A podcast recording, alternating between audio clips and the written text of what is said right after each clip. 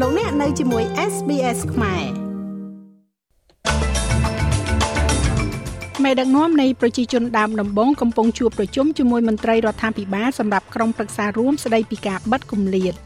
លោក Bill Shorten ថាអតីតនាយករដ្ឋមន្ត្រីលោក Scott Morrison អាចត្រូវសាកសួរដោយរាជគណៈកម្មការស៊ើបអង្កេតលើកម្មវិធី Robodebt វ៉ាក់សាំង COVID-19 ដែលកែប្រែឡើងវិញដើម្បីឲ្យមានភាពស៊ាំខ្លាំងទៅនឹង variant Omicron អាចនឹងដាក់ឲ្យប្រើប្រាស់ក្នុងពេល2-3សប្តាហ៍ទៀត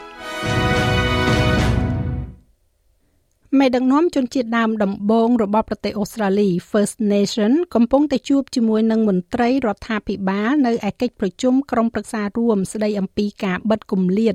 នៅទីក្រុង Adelaide ដែលជាកិច្ចប្រជុំលើកដំបូងនៅឆ្នាំនេះដោយនិយាយអំពីការចាញ់ប្រៀប។ របស់ជនជាតិដើមដំបូងអូស្ត្រាលីកាលពីខែមុនគណៈកម្មការផលិតភាពបានចេញផ្សាយនូវទិន្នន័យដែលបានរកឃើញថាជាង2ភាគ3នៃគោលដៅបិទគម្លាតនេះមិនបានសម្រេចនោះទេគណៈកម្មការបាននិយាយថាខ្លួននឹងផ្ដោតទៅលើគោលដៅសុខភាព Child Care សុខុមាលភាព និងយុត្តិធម៌ រដ្ឋមន្ត្រីក្រសួងកិច្ចការជនជាតិដើមភាគតិចលោកស្រី Linda Burney បាននិយាយថារដ្ឋាភិបាលសហព័ន្ធកំពុងធ្វើការជាមួយរដ្ឋាភិបាលរដ្ឋនិងដែនដីដើម្បីដំឡើងវ័យនៃការទទួលខុសត្រូវផ្នែកព្រហ្មទណ្ឌដែលបច្ចុប្បន្នគេមើលឃើញមានកុមារអាយុ10ឆ្នាំឡើងជាប់នៅក្នុងពន្ធនាគារលោកស្រីក៏និយាយដែរថាគោលដៅទាំងនេះនឹងធ្វើការរួមគ្នាជាមួយនឹងសម្លេងជនជាតិដើមភាគតិចទៅកាន់សភា You cannot do what we need to do in terms of អ្នកមិនអាចធ្វើអ្វីដែលយើងត្រូវធ្វើក្នុងលក្ខខណ្ឌនៃការបិទគម្លាតនោះទេលុះត្រាតែមានទិន្នន័យត្រឹមត្រូវដើម្បីប្រកាសថាកិច្ចខិតខំប្រឹងប្រែងនិងធនធានដែលយើងកំពុងដាក់ចូលទៅក្នុងតំបន់នេះគឺជាផ្នែកដែលត្រូវការបំផុតអាស្រ័យទៅលើរដ្ឋាភិបាលនៅក្នុងការសម្រេចចិត្តក្នុងវិស័យទាំងនោះ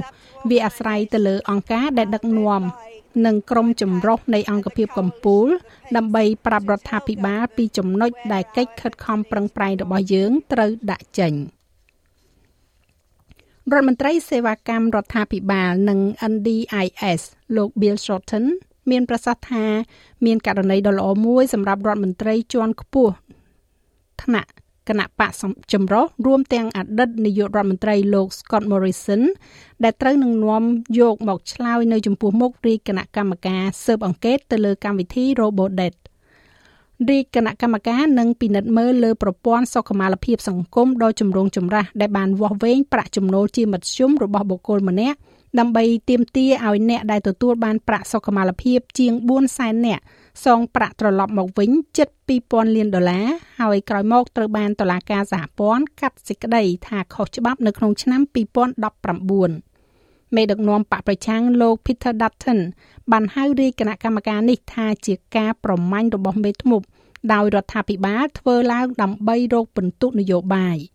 លោក Bill Shorten និយាយថាបកចម្រុះមិនគួរព្យាយាមការពាររឿងដែលមិនអាចការពារបាននោះទេ For four and a half years, they stubbornly and stupidly defended អររយៈពេល4ឆ្នាំកន្លះមកហើយពួកគេបានការពារយ៉ាងចុះចេះនិងឆោតល្ងងនៅគម្រោងដែលខុសច្បាប់នេះដូច្នេះនៅពេលណាមួយខ្ញុំគិតថាសម្រាប់ការបិទបញ្ចប់សម្រាប់ជនរងគ្រោះនិងដើម្បីធានាថាវាមិនអាចកើតឡើងម្ដងទៀតបានទេ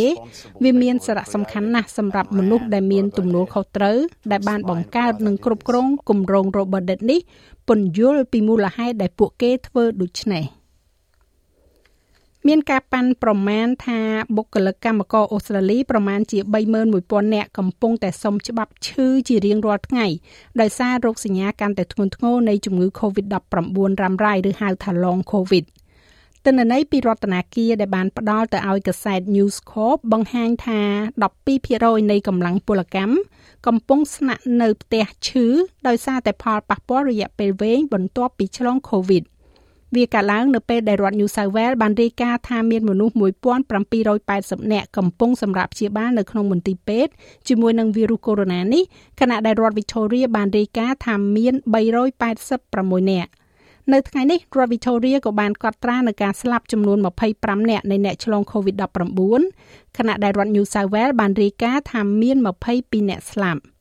លោក Heranyck Jim Chalmers បានលើកឡើងថាយុទ្ធសាស្ត្រមួយក្នុងការដោះស្រាយផលប៉ះពាល់នៃ COVID-19 រ៉ាំរ៉ៃនេះនឹងដាក់នៅលើតុប្រជុំនៅក្នុងកិច្ចប្រជុំកំពូលការងារនៅសប្តាហ៍ក្រោយ។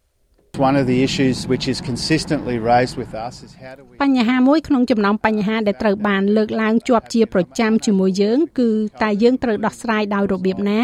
ជាមួយនឹងការដែលមនុស្សមិនអាចធ្វើការបានដោយសារតែ COVID-19 រួមទាំងដោយសារតែ COVID-19 រ៉ាំរ៉ៃផងដែរ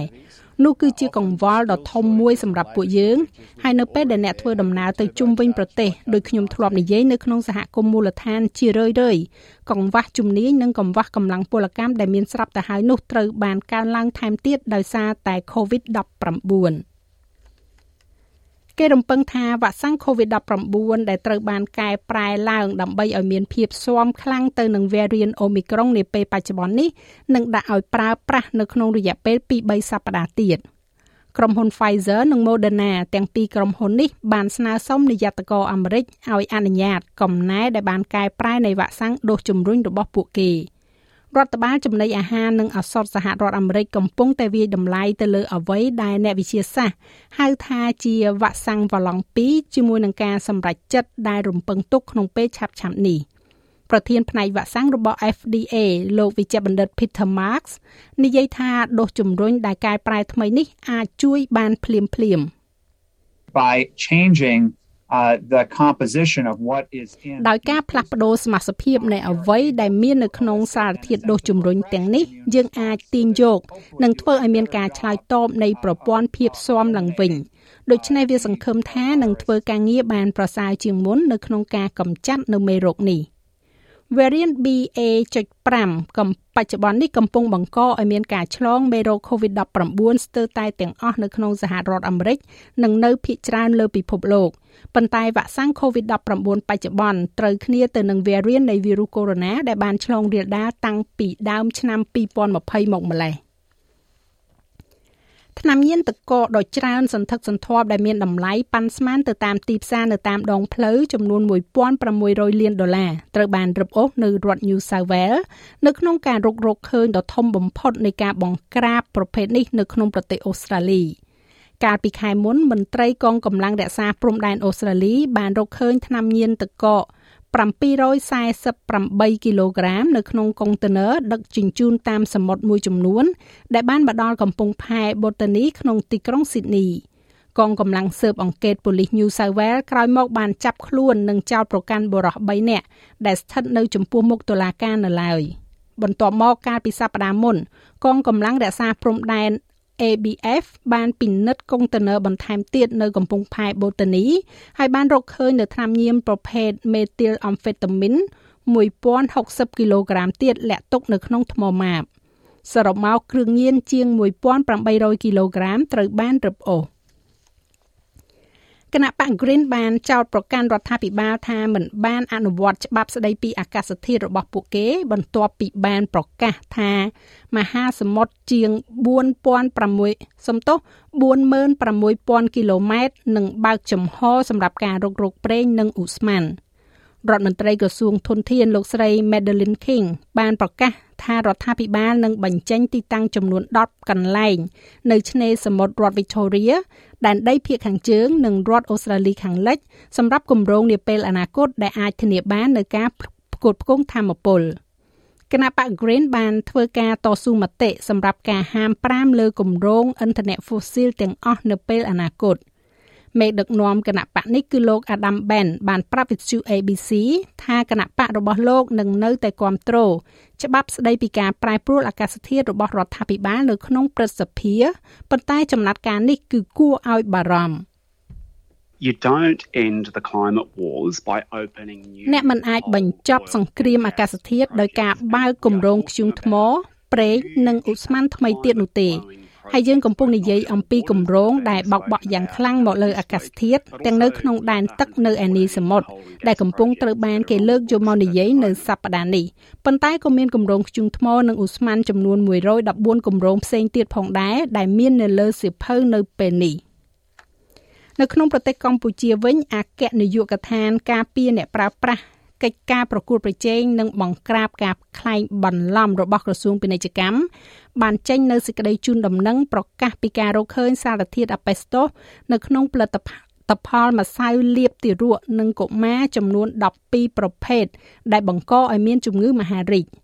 មន្ត្រីជំនាញបានបញ្ជាឲ្យក្រុមហ៊ុនប្រមូលម្សៅលាបខ្លួនទារកនិងកុមារទាំងនេះពីទីផ្សារឲ្យអស់មកវិញ ចាស់លោកមេងផល្លានឹងជួនសេចក្តីរាយការណ៍លម្អិតនៅវគ្គក្រោយបន្ថែមទៀតឬក៏លោកអ្នកអាចចូលស្ដាប់របាយការណ៍ពេញនៅលើគេហទំព័រ sbs.com.au/ ខ្មែរនៅក្នុងព័ត៌មានកីឡាវាយកូនបាល់ Tennis កីឡាករ Nick Kyrgios ត្រូវបានកំណត់ឲ្យជួបគ្នានៅក្នុងជុំទី1ជាមួយនឹងដៃគូមិត្តជិតស្និទ្ធរបស់ខ្លួន គឺកីឡាករ Thanasis Kokkinakis នៅក្នុងព្រឹត្តិការណ៍ US Open ហើយនៅក្នុងទីលានប្រកួតទោលបរោះ Flushing Meadows ដោយគ្មានកីឡាករ Novak Djokovic នេះកីឡាករ Rafa Nadal នឹងបើកការប្រកួតសម្រាប់ពានរង្វាន់ Grand Slam លើកទី3សំទោសលើកទី23របស់ខ្លួនទល់នឹងកីឡាករអូស្ត្រាលី Rinky Hijikata នៅពេលដែលការប្រកួតចាប់ផ្ដើមនៅសប្តាហ៍ក្រោយមិត្តភ័ក្តិដ៏អស្ចារ្យ Kyrgios និង Kokkinakis ដែលគេហៅថា KS Pieces នៅពេលដែលពួកគេលេងជាមួយគ្នានឹងជាក្រុម គូដែលឈ្នះ Australian Open និងមិនដែលប្រកួតជាមួយគ្នានោះទេនៅក្នុងការប្រកួតសំខាន់បែបនេះពីមុនមក។ចំណែកឯអត្រាប្តូរប្រាក់វិញនៅថ្ងៃនេះ1ដុល្លារអូស្ត្រាលីមានតម្លៃប្រមាណជា69សេនកន្លះដុល្លារអាមេរិកត្រូវនឹង2860រៀលប្រាក់រៀលខ្មែរ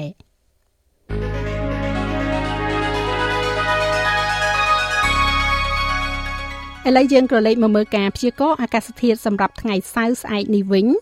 ទីក្រុងផឺតមានរលឹម18អង្សា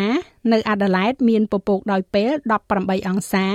ដូចគ្នានៅមែលប៊ន19អង្សា មានពពកដោយពេលដូចគ្នាដែរនៅហូបាត16អង្សាខេនបារ៉ាអាចនឹងមានរលឹម16អង្សា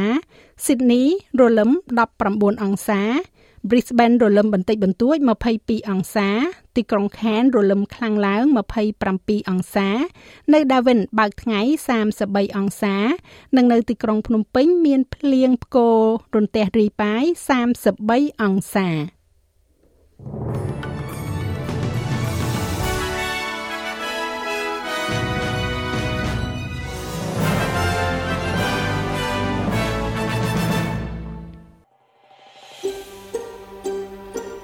ចង់ស្ដាប់រឿងរ៉ាវបែបនេះបន្ថែមទៀតទេ ស្ដាប់នៅលើ Apple Podcast Google Podcast Spotify ឬកម្មវិធីដទៃទៀតដែលលោកអ្នកមាន។